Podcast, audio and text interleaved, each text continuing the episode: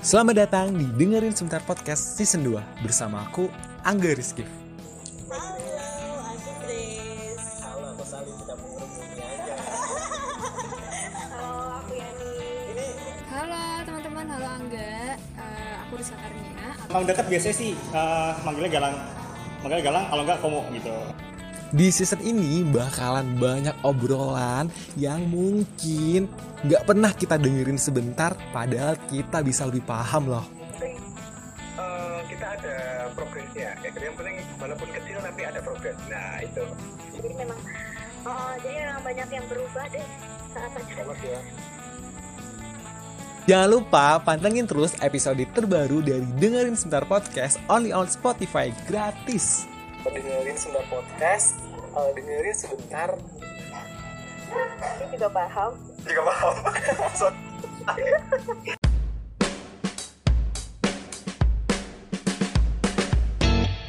Halo, Hai, sepada. yuhu. Selamat datang di Kosa Rasa. Kosa rasa itu tempat berbagai macam rasa. Bisa diungkapin melalui kata. Aduh, Yes, seru banget. tanpa menjustifikasinya. Waduh, lebih mantap.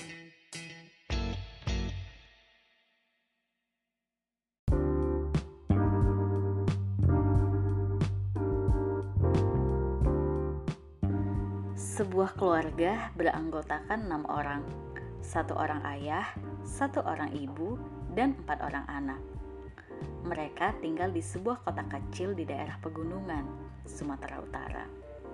Mereka memiliki aktivitas yang berbeda-beda tentunya. Ayah berprofesi sebagai pegawai swasta, ibu sebagai ibu rumah tangga, namun juga mengurus beberapa kebun. Lalu anak-anak masih sekolah. Iya, waktu itu masih sekolah. Kalau sekarang anak-anaknya sudah pada pergi merantau, melanjutkan studi dan juga bekerja. Sebuah tradisi yang unik di dalam keluarga ini, yaitu tradisi meja makan. Mereka tidak boleh melewatkan makan malam. Makan malam harus bersama-sama. Apa pun kesibukannya, makan malam wajib hukumnya bersama.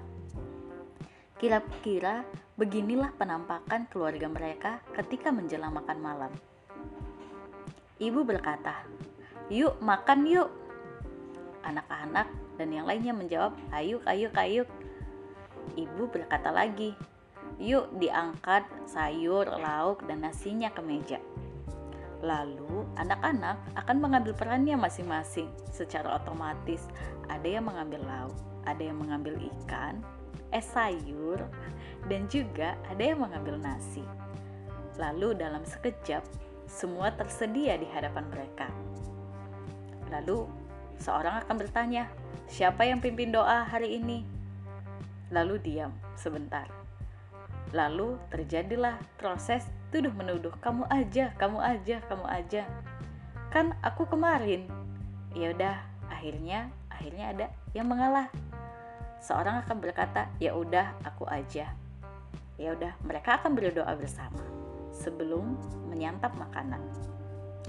Setelah selesai berdoa, ibu akan menyodorkan nasi kepada ayah.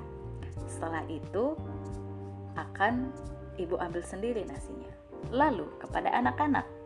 Begitulah kira-kira gambarannya walaupun itu tidak selalu. Terkadang ya uh, ibu dulu yang mengambil nasi atau seorang anak yang mengambil nasi terlebih dahulu. Lalu percakapan yang terjadi di meja makan.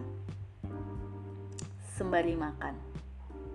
Atau terkadang mereka akan menikmati makanan mereka terlebih dahulu lalu berbincang-bincang. Topik-topik yang pasti dibahas adalah seperti bapak bertanya kepada anaknya, "Hari ini belajar apa?" Hari ini ngapain sekolah? Lalu anaknya akan menjawab, ada yang menjawab, hari ini gurunya sangat membosankan. Masa guruku yang ini begini-begini? Lalu terjadilah curhat. Lalu yang lain akan nyeletuk, besok aku ada ujian, aku harus belajar malam ini lebih keras. Yang lainnya akan menjawab, ujianku tadi gagal, nggak tahu deh nanti hasilnya seperti apa. Kira-kira seperti itulah topik-topik yang dibahas di meja makan antara orang tua dan anak.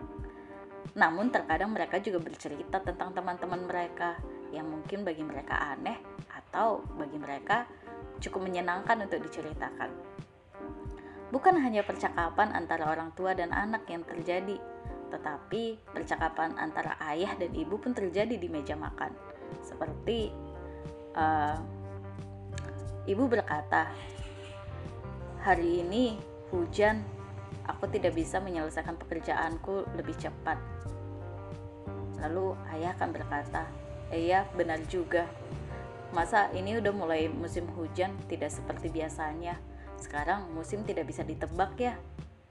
Lalu percakapan mereka akan berlanjut pada um, harga pupuk mahal ya. Ini bagaimana ya kita memberi makan para tanaman-tanaman. Lalu ayah akan mengerutkan keningnya dan berpikir, berpikir dan berpikir. Lalu mereka akan mencari solusi bersama-sama. Terkadang uh, percakapan lain yang terjadi adalah si ayah berkata, ini keuangan sudah mulai menipis, kita harus mulai irit, tidak boleh berfoya-foya. Hmm, sejak kapan memang keluarga ini berfoya-foya? Tetapi seterbuka itulah mereka di meja makan, percakapan antara orang tua dengan anak, anak dengan anak, dan orang tua si ibu dengan si ayah Ternyata tradisi meja makan itu membuat kita semakin terbuka satu dengan yang lainnya, membuat kita saling mengenal. Bahkan sebagai seorang anak juga mengerti apa yang menjadi permasalahan orang tuanya. Itulah kira-kira yang terjadi di meja makan, sebuah tradisi meja makan yang kurindukan saat ini. Aku Grace dari Kosa Rasa Podcast.